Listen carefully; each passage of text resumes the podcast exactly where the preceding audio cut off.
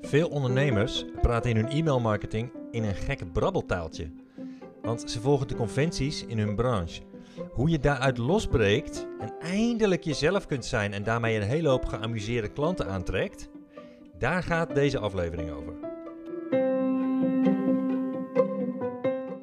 Een tijd geleden was ik uit eten in een restaurant dat een stuk chiquer was dan ik had verwacht. Zo'n tent waar je servet zo stijf is dat je het kan oprollen als een poster. Binnen werden de gedempte gesprekken gevoerd en in de haard brandde een laaiend vuur achter een glazen plaat. Het eerste wat op tafel verscheen was een amuse. De serveerster, zeg je dat zo?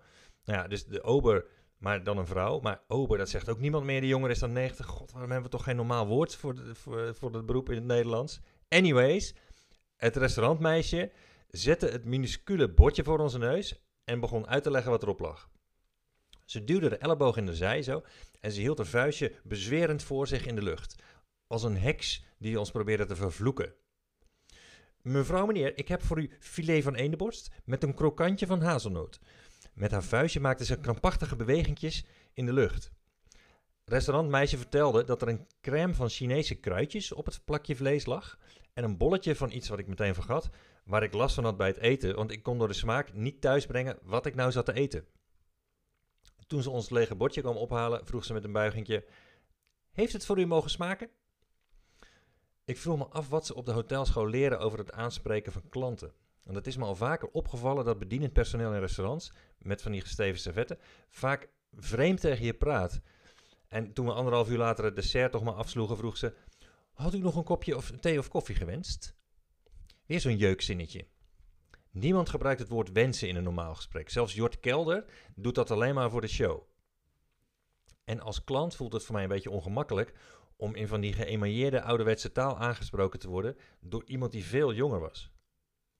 Hoe zij praatte, dat paste niet bij haar. Ik had steeds de neiging om te zeggen: Yo, op de plaats rust, doe relaxed, ik ben het. En vaak zijn het juist de jonkies die zo praten.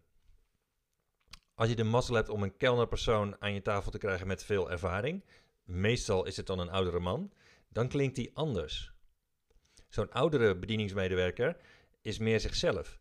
Die geeft je nog steeds een gevoel van chic eten, maar dan door altijd op tijd aan je tafel te verschijnen. En niet door te praten als een vatsige koorbal. En die maakt het gezellig door zichzelf te zijn. Praat in jouw marketing-e-mails ook lekker als jezelf. Helemaal als in jouw branche iedereen een gek brabbeltaaltje gebruikt, waarvan lijkt alsof het zo heurt. Doorbreek dat. Ontspan. Gebruik je eigen taal gewoon. Laat jezelf zien. Heb je een dialect? Gebruik je dialect dan. Hou je van slechte humor? Maak dan slechte grappen. En gedraag je niet als een robot. Zeg niet wat iedereen zegt. En dan kunnen je klanten ook lekker ontspannen. Binnenkort geef ik daar online een workshop over. Over het schrijven van onvergetelijke e-mails. Waar je mee opvalt tussen al die saaie conservatieve concurrenten. De link om gratis naar mijn seminar te kijken is www.seminars.gratis.